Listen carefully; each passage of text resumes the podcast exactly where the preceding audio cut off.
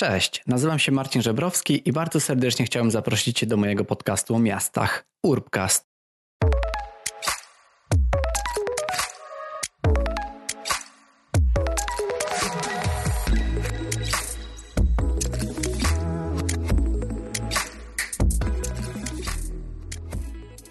Cześć, witajcie w najnowszym odcinku Urbcastu.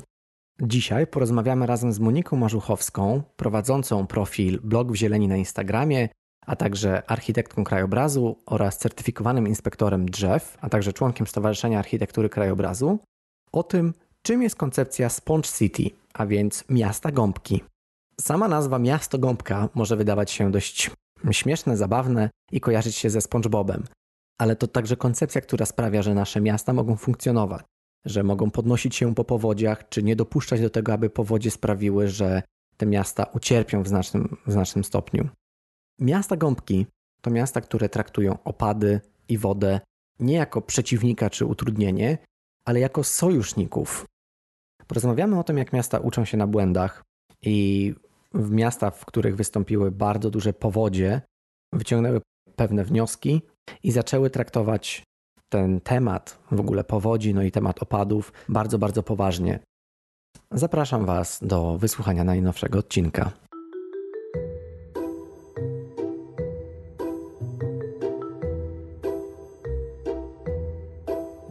Dzisiaj zaprosiłem do niego Monikę Marzuchowską, która jest nie tylko architektką krajobrazu, ale także prowadzącą na Instagramie profil Blog w Zieleni, gdzie popularyzuje wiedzę na temat e, między innymi właśnie architektury krajobrazu.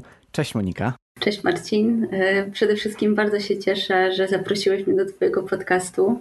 E, no jak już powiedziałeś, jestem architektem krajobrazu, certyfikowanym inspektorem drzew, członkiem Stowarzyszenia Architektury Krajobrazu. Studia kończyłam na Uniwersytecie Przyrodniczym oraz w Szkole Głównej Gospodarstwa Wiejskiego w Warszawie. No tak poza tym skończyłam również podyplomówkę Service Design School of Form w Poznaniu. Aha. A obecnie w swojej pracy zajmuję się e, badaniem drzew, badaniem ich e, stanu zdrowotnego, przeprowadzam e, przeglądy drzewostanu mhm. i, i to wszystko w sumie. Czy zajmujesz się badaniem drzew dla jakiegoś konkretnego instytutu czy firmy, czy, czy robisz to w ramach właśnie jakichś swoich badań? Zamawiający są różni. Zdarzają się e, również zapytania od prywatnych e, właścicieli działek, od, ale również od takich e, jednostek miejskich, od szkół, przedszkoli. Ale czyli pracujesz na takiej zasadzie trochę freelansu? Dobrze to Nie, rozumiem, pracuję, pracuję w mhm. prywatnej firmie, Aha, okay. która dostaje zapytania, przeróżne zapytania. Jasne, czyli rozumiem, że ten temat naszej dzisiejszej rozmowy czyli Sponge Cities, miasto gąbka, to jest taki, te, taki temat, który trochę się, trochę może nawet bardzo się wpisuje w Twoje działania, w to, co robisz na co dzień i chciałem się właśnie zapytać, skąd, skąd się zainteresowałaś tym tematem, o którym będziemy dzisiaj rozmawiać? No, tak jak już wspomniałam, e, od dłuższego czasu zajmuję się tymi drzewami. E, no, a ponieważ e, traktuje miasto jako jeden organizm i system naczyń połączonych, więc może to mm, nie zabrzmi tak odkrywczo, ale kondycja drzewa zależy przede wszystkim od istniejących, od panujących warunków. Także ta kondycja zieleni w mieście zależy od, od warunków, od dostępności wody.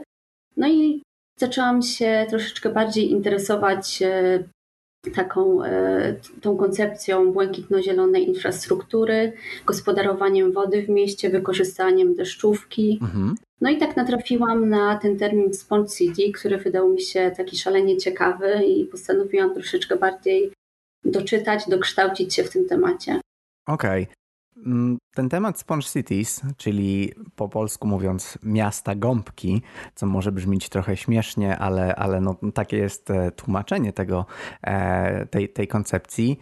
Jest ona bardzo ciekawa, dlatego że mało się o niej słyszy, mi się wydaje, jeszcze wciąż, że jakby gdzieś tam zaczynamy słyszeć o tej zielonej i niebieskiej infrastrukturze, o tym, aby że tak powiem, traktować to nasze środowisko jako, jako, jako na, naszego sojusznika i żeby w taki sposób właśnie realizować nasze projekty w zgodzie ze środowiskiem.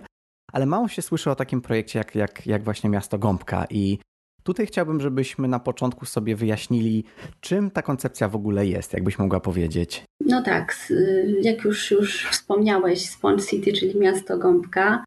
Myślę, że ten termin wziął się od tego, że dążymy w miastach do takiego modelu działania, jaki ma właśnie gąbka, czyli magazynowanie, magazynowanie tej wody, na początku oczywiście wchłanianie tej wody, magazynowanie oraz uwalnianie tej wody w odpowiednim momencie. I właśnie do takiego modelu działania dążymy w miastach, czyli zależy nam, żeby nasze miasta retencjonowały tą wodę, czyli pobierały, wchłaniały, magazynowały w odpowiednich e, strukturach oraz uwalniały ją w odpowiednim momencie, na przykład w okresach suszy. I w tym systemie Sponge City wykorzystuje się różne e, rozwiązania, zarówno inżynieryjne, jak i bardziej naturalne, przyjazne naturze. Czyli, no w skrócie podsumowując to, to co powiedziałaś, ta koncepcja Sponge City działa na takiej zasadzie, że tak jakbyśmy mieli gąbkę, na przykład, którą zmywamy naczynia i ona napełnia się, się nam tą, tą wodą, tą wodą, to w momencie, gdy potrzebujemy, czy gdy chcemy jakby ją osuszyć, to po prostu ją ściskamy i wypuszczamy całą tą zgromadzoną w niej wodę, czyli jakby taka jest, jest analogia do, do tej gąbki. A pytanie, czy właśnie wiesz w ogóle, gdzie ta koncepcja mm, powstała i czy właśnie ktoś, kto na, nazwał tą koncepcję po raz pierwszy w jakiś sposób, czy właśnie nazwał ją specjalnie miastem gąbką, czy, czy to jakoś tak samo z siebie po prostu wyszło Tutaj może jeszcze dodam, że tak naprawdę mówimy o tej wodzie w mieście, ale tak naprawdę ten strumień wody, który pada na tą gąbkę, to jest nic innego jak te wody opadowe. Więc tutaj może mm, należy się takie wyjaśnienie. Sponge City został y, tak naprawdę zapoczątkowany mm, przez y, rząd chiński po takich poważnych powodziach, które dotknęły ten kraj y, bodajże w 2012 czy 2013 roku. No i władze chińskie zdecydowały się przeciwdziałać tym niekorzystnym zmianom wynikającym y, ze zmian klimatu, czyli na przykład podtopieniom, powodziom, ale również fali upałów.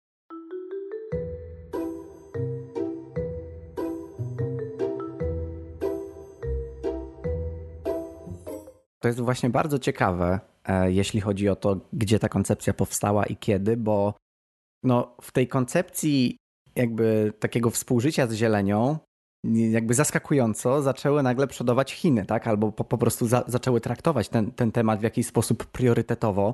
I to jest bardzo ciekawe, że ta koncepcja no, nie powstała w żadnym kraju europejskim e, czy, czy w Ameryce, czy w Stanach Zjednoczonych, tylko właśnie pojawiła się w Chinach. I ja tu tylko dopowiem, bo ja też w ogóle napisałem do ciebie, bo ja jestem bardzo dużym zwolennikiem e, e, i entuzjastą jakby tej koncepcji Sponge City, dlatego że na naszych studiach magisterskich na uczelni w szwedzkiej w Lund to był główny motyw tak naprawdę dla mojego projektu, który realizowaliśmy na studiach i pojechaliśmy nawet do Chin i tam właśnie byliśmy w chińskim Chengdu, gdzie sprawdzaliśmy jak to wszystko funkcjonuje. No i rzeczywiście ta betonoza z każdej strony nas nas, no i przede wszystkim tutaj mogę powiedzieć za siebie, bardzo mnie przytłoczyła. Więc ciekawe to, że Chińczycy się zorientowali w pewnym momencie, kurczę, chyba nie tędy droga. Chyba, że tak powiem, idziemy w trochę złym kierunku, ale ciekawe jest to, że tym było też podyktowane to, że takie powodzie sprawiają, że miasta tracą bardzo dużo pieniędzy, prawda? Jakbyś, jakbyś mogła jeszcze coś, coś więcej na ten temat powiedzieć, tak? Czyli jakie mogą być takie skutki tego, że wcześniej tego Sponge City konceptu nie było, na przykład na przykładzie Chin, a kiedy on się pojawił, to czy były widoczne też skutki finansowe? Jak to w ogóle wpływa właśnie na ekonomię? Jeżeli e, chodzi właśnie o, e, o te niekorzystne skutki tego betonowania miast, ponieważ no, przez długi czas mieliśmy rzeczywiście w miastach e, taką tendencję do zabetonowania każdej możliwej przestrzeni, do wycinania drzew, do, e, do budowy chodników. E, oczywiście ta infrastruktura też jest ważna w miastach, ale nie zapominajmy o tym, że no, chcemy jakoś w sposób naturalny mm, gospodarować tą wodą e, w krajobrazie i zgodnie z zasadami panującymi w przyrodzie. Więc betonowanie naszych miast y, powodowało, że woda nie wsiąkała w glebę, spływała po naszych y, chodnikach, po ulicach, po skwerach, po, mm, po parkingach. Y, zabierała ze sobą mnóstwo zanieczyszczeń, które spływały z dachów, również z dróg, z parkingów, no i jedynym ujściem dla takiej wody opadowej staje się w tym momencie, e, stają się w tym momencie systemy kanalizacji, które no, mają dosyć małą przepustowość w przypadku takich gwałtownych ulew i burz, no, które zdarzają się coraz częściej przy tych e, zmianach klimatu. Więc te konstrukcje, te struktury o małej przepuszczalności powodowały, doprowadziło to do podtopień i powodzi. I również y, taką drugą y, niekorzystnym działaniem jest przedostawanie się właśnie tych zanieczyszczeń do środowiska przyrodniczego. No to również nie jest dla nas dobre. Nie jest to dobre. Dobrze, że rozmawiamy o tych, o tych przyczynach tak naprawdę, e, które, które sprawiły, że właśnie miasta zaczęły myśleć o tej koncepcji Sponge Cities i o odbetonowywaniu miast, bo tak jak wspomniałaś, w Chinach pojawiło się to rzeczywiście po powodziach w, w, w, w 2011 roku, e, które miało miejsce i w, w 2012, e, które miało miejsce w Pekinie, gdzie zginęło 80 osób. I no ciekawe jest to, że właśnie nie zdajemy sobie z tego sprawy, wydaje mi się, że ulewne deszcze mogą nagle doprowadzić do śmierci tylu ludzi w mieście i poniekąd władze miasta, czy ogólnie władze, które, które sprawują politykę właśnie betonowania, no, są za to odpowiedzialni. I tak jak ciekawie kilka lat temu Bill Gates powiedział, że w ogóle Chiny między 2011 a 2013 rokiem użyły, wylały więcej betonu niż Stany Zjednoczone przez cały XX wiek. I to właśnie o czym świadczy, że oni stwierdzili nagle, że kurczę, coś, coś jest nie tak. I tutaj chodzi o pieniądze, bo jeszcze tylko dodam, że w latach 2000, 2014 koszt tych wszystkich powodzi w chińskich miastach wyniósł prawie, miałem tutaj pewne problemy z przeliczeniem, bo była tak to duża kwota w, w chińskiej walucie, ale wyniosły prawie 600 miliardów złotych i myślę, że właśnie ważne jest to, żebyśmy podkreślili, że ta koncepcja Sponge Cities daje nam realne jakby korzyści ekonomiczne. Czy, czy zgadzasz się ze mną? No y, tak, oczywiście y, daje korzyści ekonomiczne, no ale też daje no, inne korzyści, na przykład korzyści społeczne, korzyści przyrodnicze, tak jak już y, wspomniałam o tym zanieczyszczeniu środowiska.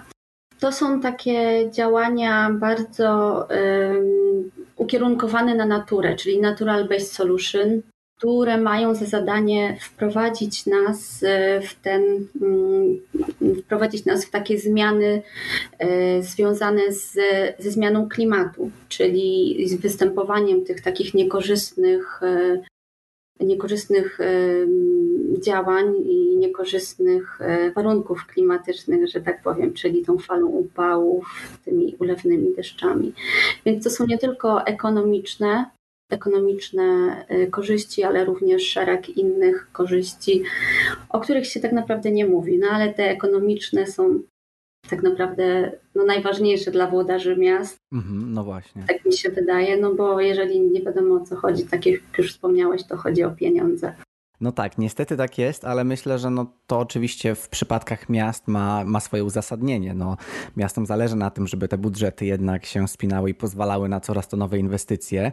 No a jeśli jest możliwość, aby te pieniądze w taki sposób nie uciekały lub żeby jeszcze w jakiś sposób na tym zarobić, bo są badania, które mówią, że na takiej koncepcji sponge cities też można w jakiś sposób zarabiać w dłuższej perspektywie i możemy się też dużo nauczyć. I tutaj chciałem też, zanim sobie przejdziemy do takiego wątku europejskiego, chciałem też jeszcze wrócić do Chin i podzielić się takimi lekcjami, które możemy wynieść właśnie z tego, co się działo w Chinach, ponieważ no właśnie na potrzeby tego projektu na studiach też robiłem dość spory research na ten temat.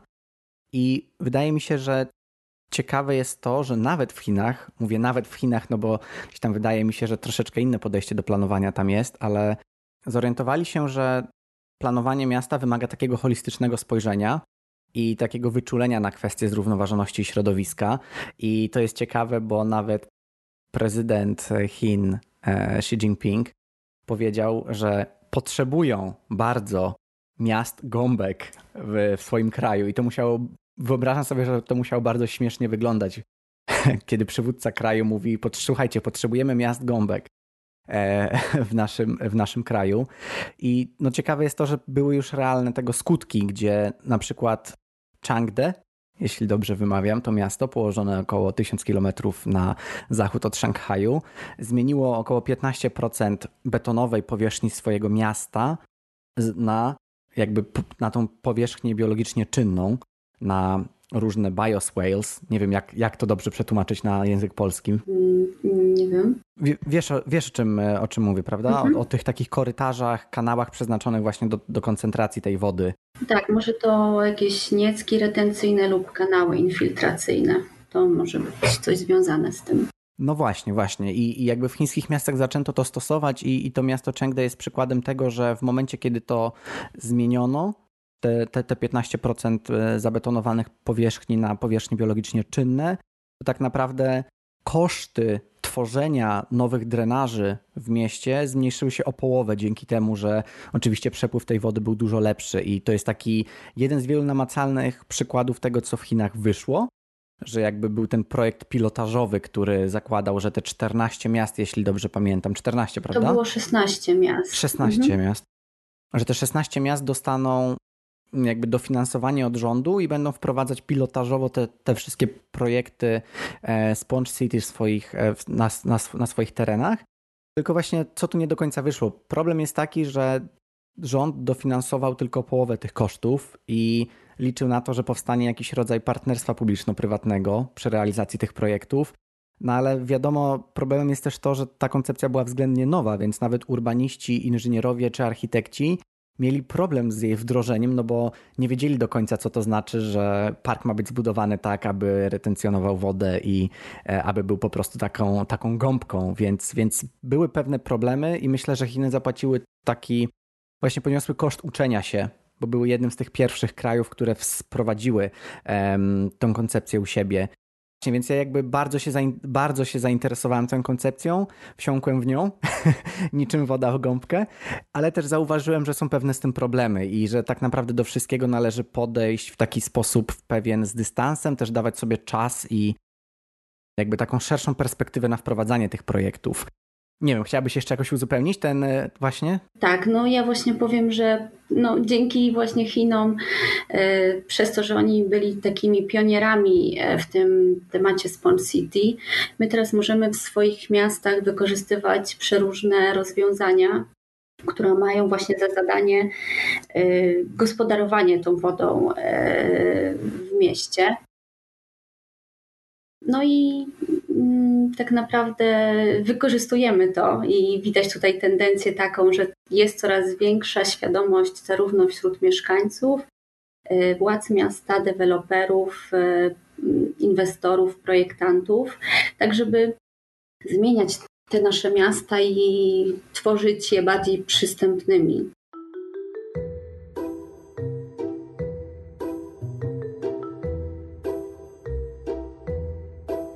Przenieśmy się w takim razie do Europy i porozmawiajmy sobie o tym, jak miasta europejskie e, zaczęły wprowadzać te koncepcje, bo Berlin i Kopenhaga mogą być takimi bardzo dobrymi przykładami. No właśnie, jak to jest w ogóle w Berlinie? Tak, y, w Berlinie ogólnie mam wrażenie, że w miastach i państwach y, zachodnich jest duża większa świadomość właśnie tych problemów y, związanych ze zmieniającym się klimatem i z, z kształtowaniem zrównoważonym. Ale w Polsce też gonimy, też mamy, możemy się pochwalić różnymi realizacjami. No ale teraz mowa o Berlinie, gdzie władze, władze tego miasta zauważyły takie niebezpieczne tendencje związane z na przykład zacieplaniem klimatu, czyli e, podniesieniem tej temperatury, falą upałów, podtopienie, e, podtopienia po wodzie i zaczęły już e, przeciwdziałać zawczasu, żeby nie było za późno. Dlatego wprowadziły szereg takich małych projektów, małych, małych realizacji, które tworzą większą całość. No i do takich na przykład, do takich flagowych albo do takich najważniejszych działań należy na przykład pozostawianie tej powierzchni biologicznie czynnej, powierzchni z gruntem rodzimym, czy tworzenie takich przepuszczalnych nawierzchni. Również y, pozostawienie większej ilości drzew na ulicach, tworzenie przeróżnego rodzaju budowli hydrotechnicznych, takich jak ogrody deszczowe, niecki retencyjne, y, ale również wprowadzenie no, takich alternatywnych form zieleni w postaci na przykład zielonych dachów, zielonych ścian, również zielonych torowisk. Także to są takie działania, które pojedynczo zastosowane oczywiście mają, mają pewne zalety i przynoszą takie korzyści e, ekonomiczne, przyrodnicze, e, społeczne, ale dopiero dają taką, taki namacalny efekt zastosowane, kiedy są zastosowane w większym systemie na terenie całego miasta. I Berlin również ma bardzo uproszczony taki system, na przykład informowania mieszkańców o, o projektach, e, o źródłach dofinansowania. Więc on też bardzo mocno stawia na edukację i na informowanie mieszkańców. No ale również, e, również widzimy, że powstają, powstały nowe osiedla, które mają już w swojej koncepcji takie rozwiązania typu zielone, zielone dachy, ogrody deszczowe. Y, więc tutaj, jeżeli chodzi o deweloperów, inwestorów, też, mm, też y, oni są zachęcani do takich działań przez rząd y, Berlina, przez władze Berlina. Wspomniałaś o drzewach. To była jedna, jedna z pierwszych rzeczy, jaką wymieniłaś, i chciałbym się Ciebie zapytać, jako inspektora drzew, jak to z tymi drzewami jest? Bo z jednej strony wiemy, jak istotne one są, natomiast z drugiej strony są też miasta. Tutaj przykładem może być Kopenhaga, gdzie czasem jakby argumentem przeciwko drzewu na ulicy jest to, że będzie ono zasłaniać jakby dostęp e, światła a że w Kopenhadze jest na ogół dość ciemno, no to jakby jest to argument, który myślę, że jest w niektórych przypadkach akceptowalny, że tego drzewa na danej ulicy nie ma. I dzięki temu jest większy dostęp światła do mieszkań, a Duńczycy bardzo potrzebują tego światła przez to, jaka tu jest pogoda. I z drugiej strony są czasem drzewa oczywiście, które są już na tyle stare, że mogą zagrażać w jakiś sposób właśnie mm, ludziom, którzy, którzy chodzą po danej ulicy, gdzie to drzewo się znajduje. Więc pytanie, czy w jaki sposób to pogodzić, w jaki sposób zajmować się tymi drzewami w, w mieście?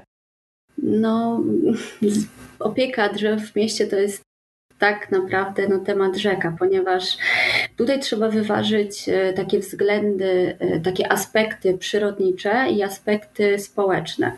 Oczywiście w miastach przede wszystkim stawiamy na bezpieczeństwo mieszkańców. Jeżeli widzimy, że dane drzewo, dany, e, dany okaz zagraża bezpieczeństwu i no, za pomocą przeróżnych interwencji nie da się nic z tym zrobić, ponieważ jego stan jest naprawdę bardzo kiepski, to oczywiście no, y, tutaj się nie kłócimy, jeżeli chodzi o, o wycinkę tego drzewa. No ale tak jak mówię, każde drzewo jest to osobny przypadek, który trzeba rozpatrywać oddzielnie ale to też świadczy o tym, że urzędnicy i osoby, które wydają decyzje o wycince drzew, powinni mieć odpowiednią wiedzę e, do tego, ponieważ to nie jest tak, że, że po prostu wytniemy drzewo i posadzimy w tym miejscu nowe. No bo e, taki e, korzyści przyrodnicze, które daje starsze drzewo, są nieporównywalnie większe niż nasadzenie nowego drzewa to nowe drzewo to może być taki potencjał do tego, żeby e, dawać te, te korzyści w przyszłości, ale ono jeszcze nie jest e, no, nie osiągnęło takich rozmiarów, żeby na przykład wchłonąć tyle dwutlenku węgla, czy żeby zacieniać w odpowiednim, e, w, w tak odpowiednim stopniu tą ulicę, dawać cień. Więc to jest kwest, to są takie kwestie, które rozpatrujemy no, oddzielnie tak naprawdę dla każdego drzewa.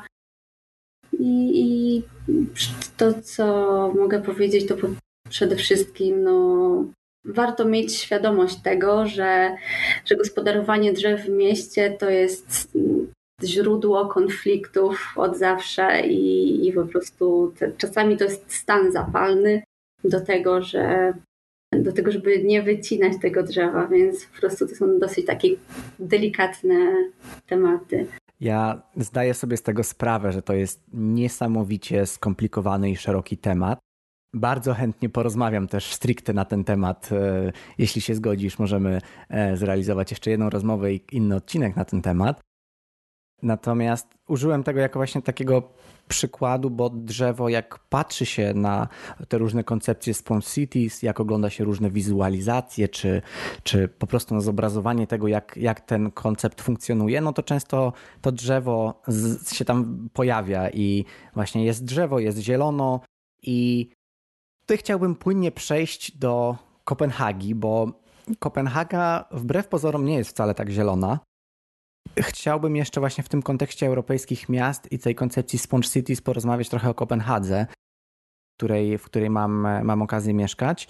I chciałbym też powiedzieć o tym, że ogólnie to wdrażanie tej koncepcji nie tylko w Kopenhadze, to jest takie, jak już wspominałem zresztą, uczenie się na błędach, bo w 2011 roku w Kopenhagę nawiedziła ogromna powódź, ogromne deszcze, które sprawiły, że straty po tej ulewie kosztowały miasto około miliard euro i to jest koszt tylko zalania 80 tysięcy domów i jakichś uszkodzeń infrastruktury. Do tego jeszcze dochodzą dużo, dużo inne, jeszcze dużo więcej kosztów. No ale co ciekawe, właśnie nikt się tego nie spodziewał i okazało się, że no, firmy ubezpieczeniowe dostały wnioski na 800 milionów euro od właścicieli budynków mieszkalnych i nie tylko, żeby po prostu te koszta pokryć, koszta napraw.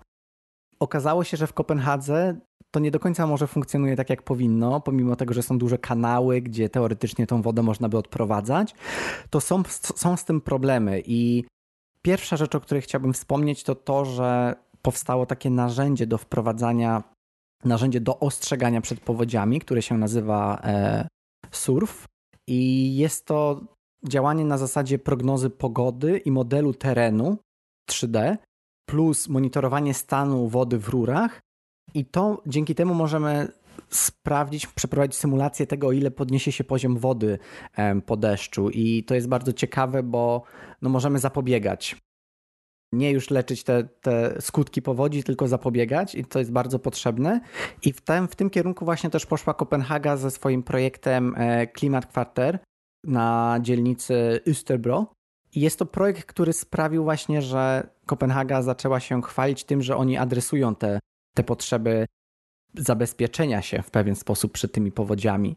I co jest ciekawe, nie jest to stricte, nigdzie nie widziałem, żeby to było stricte nazwane jako Sponge City, ale jakby no zasada jest dokładnie ta sama, czyli w wielu miejscach w tej dzielnicy wybudowano parki retencyjne, często ze z dużymi zbiornikami pod tymi parkami, tak aby woda w momencie, kiedy oczywiście są duże opady, była gromadzona w tym parku. Te parki czasem zamieniają się z różnych parków, które można których można używać przy dobrej pogodzie, przy słonecznej pogodzie, a w momencie, gdy zacznie dużo padać, ten park się po prostu zamienia w jakieś małe jezioro i kolekcjonuje tą wodę. I co ciekawe, ten klimat kwarter to interwencja na poziomie i przestrzeni publicznych, i dziedzińców, i budynków, i ulic, czyli tak dość holistycznie podeszli i dość mocno chwalą się na ten temat, e, że coś takiego jest realizowanego.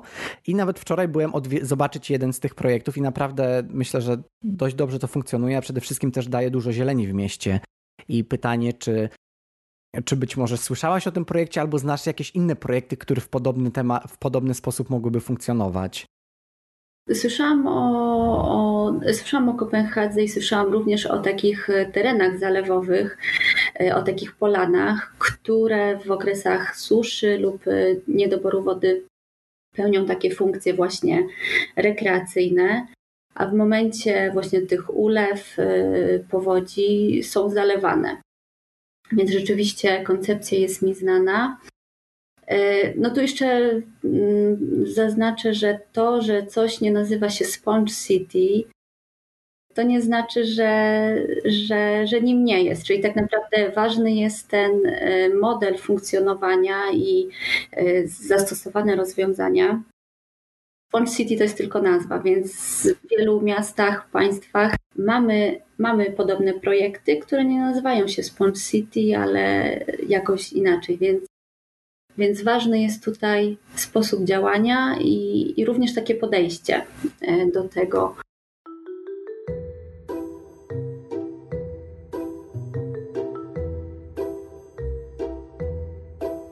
Przejdźmy sobie w takim razie jeszcze tutaj do kontekstu polskiego, bo podzieliliśmy się mm, przykładami z miast, które są nam w jakiś sposób bliskie, e, na temat których mamy wiedzę, e, w jaki sposób te e, koncepcje miasta Gąbki się tam realizuje. Natomiast jak to jest w Polsce? Bo przyznam, że nie słyszałem o zbyt wielu projektach, które by w tej koncepcji jakby działały. Aczkolwiek wiem, że tak jak wspominałaś już chyba wcześniej w naszej rozmowie, że, ta, że to postrzeganie projektowania właśnie z uwzględnieniem tej zielonej i, i, i, niebieskiej infrastruktury się już zaczyna pojawiać. Więc, więc jak, to, jak to wygląda? No tak, tak naprawdę zaczyna się pojawiać już od kilku lat. E, no i ja się bardzo cieszę, że jest coraz większa świadomość problemu e, wśród, e, wśród naszych władz, również wśród projektantów, urbanistów, deweloperów, inwestorów. Takim przykładem może być Wrocław i takim projektem może być Wrocław, w którym też miałam możliwość brać udział. Jest to projekt Grow Green, który był realizowany, pierwsza faza projektu była realizowana bodajże w 2018 roku na wrocławskim osiedlu Aubin. I Grow Green jest to taki projekt, y, który jest częścią większego y, badawczego projektu europejskiego o nazwie Horyzont 2020. Projekt ten zakłada adaptację do zmian klimatu poprzez wprowadzenie alternatywnych form zieleni, przykład zielone dachy, zielone ściany, naturalne rabaty, ale również zakłada tworzenie tego e, systemu e, małej retencji w mieście. I w przypadku Wrocławia dużym, dużym takim, dużą częścią było lub takim zadaniem było wprowadzenie mieszkańców w sam projekt, czyli wdrożenie ich, e, co było bardzo ważne. Spośród 120 lokalizacji, którzy, które mm, były nadesłane jako propozycje tych, e, tych projektów przez mieszkańców, wybrano ostatecznie 7 lokalizacji. Z tego co wiem, to, jest, to są chyba, e, to jest chyba sześć podwórek pomiędzy kamienicami oraz jedna ulica. E, no i na tych, e, w tych lokalizacjach e, przeprowadzono przeróżne ekspertyzy, inwentaryzacje, badania, studia, które zakończyły się projektami, no i też w konsekwencji realizacjami. No i odbyły się również spotkania mm, społeczne, partycypacyjne, gdzie sami mieszkańcy mieli możliwość zaproponowania swoich zmian ale przede wszystkim miały one na celu zbadanie, z jakimi problemami borykają się sami mieszkańcy tych kamienic. No i takimi problemami na przykład y, było na przykład mm, kałuże, kałuże na podwórkach, czyli po prostu widzimy, że jest tu taki problem złego zagospodarowania wodą oraz utwardzanie, utwardzanie nawierzchni pod parkingi. Parkingi to w ogóle był bardzo duży e, problem e, w tym projekcie i na tych podwórkach. A kałuże to przecież niesamowite miejsce zabaw dla dzieci. Czy warto je wszędzie usunąć? No tak, no e, wiadomo, że, że kałuża to daje ogromne pole do zabawy dla dzieci. No, Możemy to robić w sposób taki kontrolowany, czyli tworzyć takie miejsca y, dla dzieci, na przykład wodne place zabaw, gdzie one mogą same na przykład zbadać y, te, tą drogę, y, drogę wędrowania tej wody tak naprawdę. Więc są takie realizacje, również we Wrocławiu ostatnio spotkałam się z taką realizacją, gdzie powstaje taki taki plac zabaw wodny. Więc możemy za pomocą takich środków wprowadzać tą wodę do tego środowiska, ale też w przypadku y, kałuż, no, one są uciążliwe dla mieszkańców. E, więc ta, tam, gdzie, tam, gdzie to potrzeba, to e, zagospodarujmy to tak, żeby jak najlepiej się mieszkało tym mieszkańcom, a tam, gdzie potrzeba, twórzmy takie miejsca zabaw dla dzieci, również miejsca e, dla dorosłych, tak żeby no, oni też mieli świadomość tego, że ta woda jednak w tym środowisku jest potrzebna. No tak. Tak, no myślę, że kwestia edukacji jest tutaj bardzo ważna i stąd też ogólnie, jeżeli chodzi o, o podejście do wody, do tego, jak się nią zarządza, akurat to dotyczy wody pitnej, ale wiem, że w Warszawie była taka akcja odnośnie warszawskiej kranówki, żeby po prostu tę wodę pić i no wydaje mi się, że to jest bardzo ważne, żeby zwracać uwagę na takie rzeczy. I pytanie, czy są jeszcze jakieś miasta w Polsce, które podobnie postępują, jeżeli chodzi o e, ogólnie o właśnie zarządzanie tą zieloną i, i niebieską infrastrukturą? Tak, no jest y, szereg y, miast, które już y, wdrożyły pewne projekty. Kraków, Bydgoszcz. Bydgoszcz na przykład otrzymał ogromne dofinansowanie na tego typu działania. No i prężnie działa w temacie stania się takim miastem, gąbką. Władze miast zaproponowały szereg takich rozwiązań y, dla poszczególnych terenów, czyli zaproponowano rozwiązania dla mieszkańców domów jednorodzinnych, dla wielorodzinnych, również dla osiedli, dla, e, są takie rozwiązania dla parkingów, dla parków, dla ulic, chodników, więc tutaj e, bardzo, bardzo ważne jest, e, no widzimy, że Bydgoszcz też również stawia na tą edukację mieszkańców i, i powoli, powoli też staje się, tą miast, staje się tym, tą miastą gąbką. I czy myślisz, że w takiej dłuższej perspektywie te projekty w Polsce mają szansę się powieść, czy raczej są to takie na razie pierwsze kroki, które wstawia, stawiamy w, w tym temacie?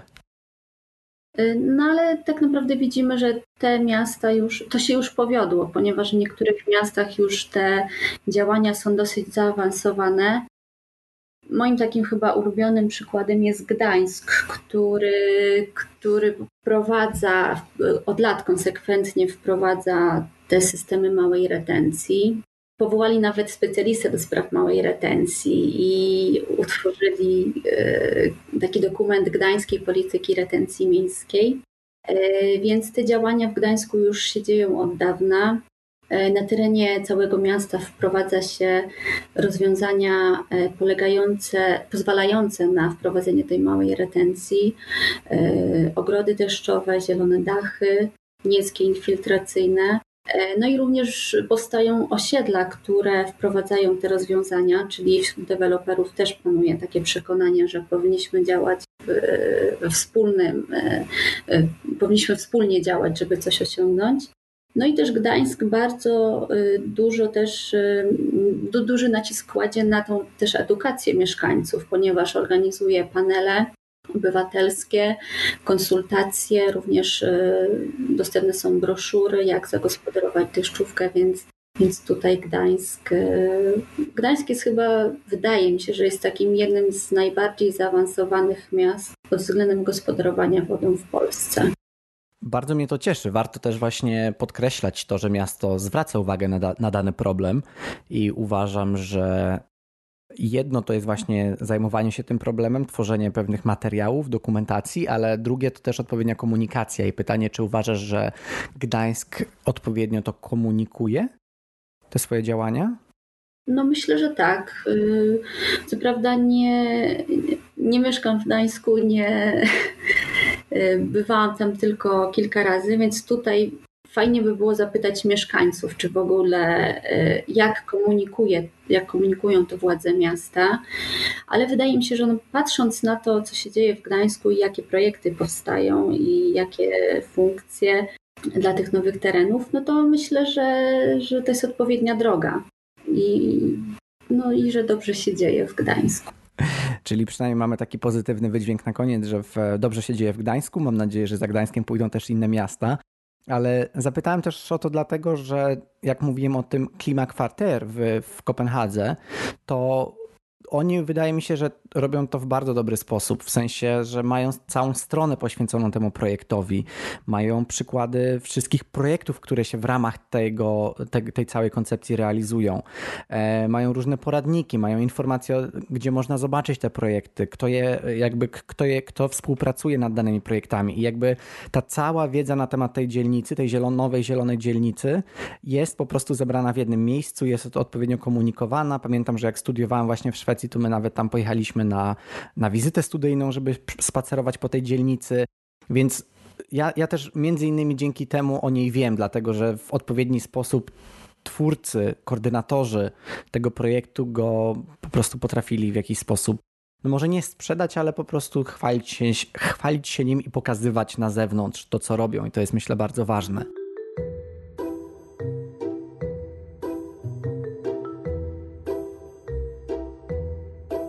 Dobrze.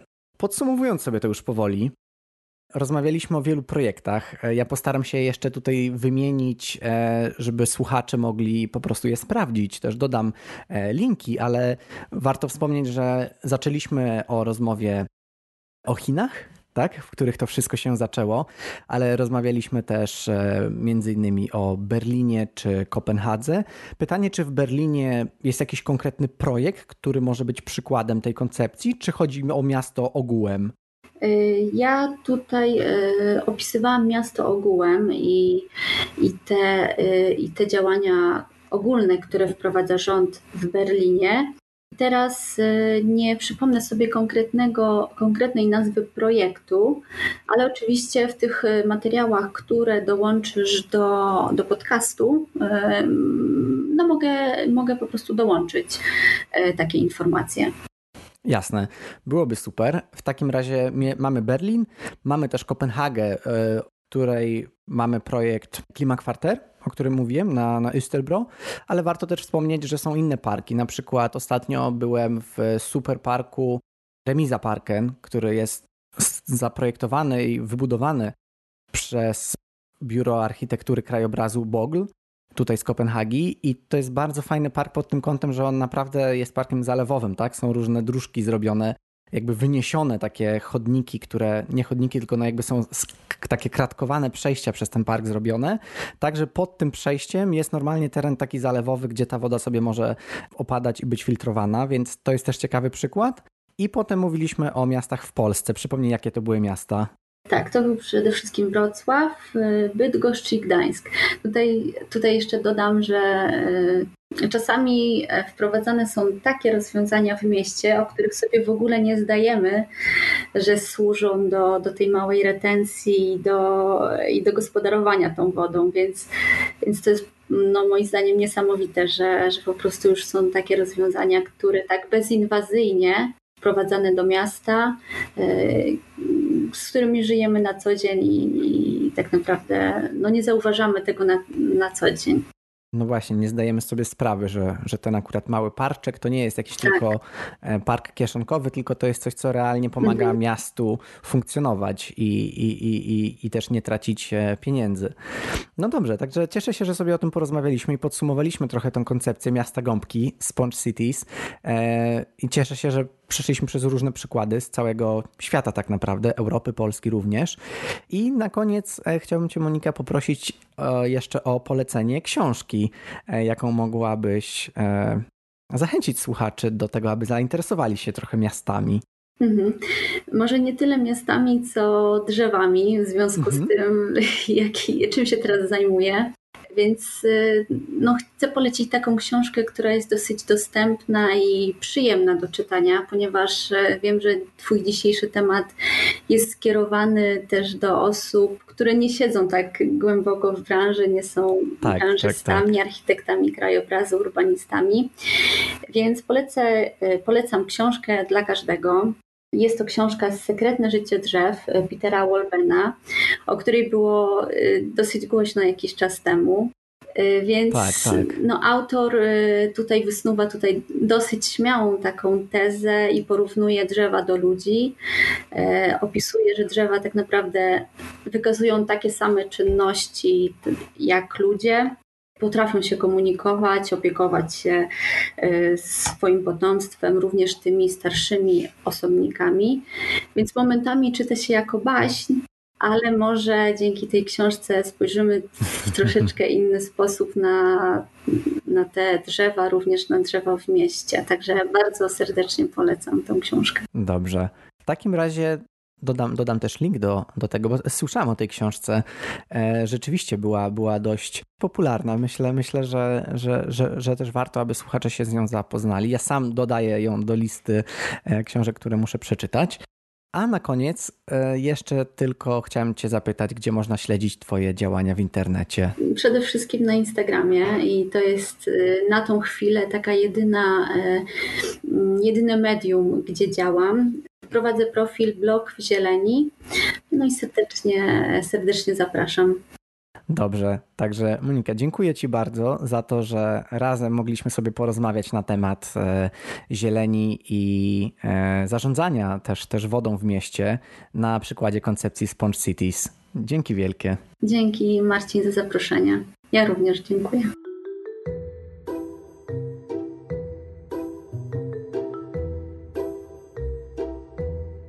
Dziękuję Wam za wysłuchanie najnowszego odcinka podcastu i mam nadzieję, że nasza rozmowa z Moniką dostarczyła Wam ciekawych informacji na temat koncepcji miasta Gąbki. Wiecie już, czym jest tak naprawdę miasto Gąbka i jak funkcjonują miasta, które starają się tą koncepcję wdrażać.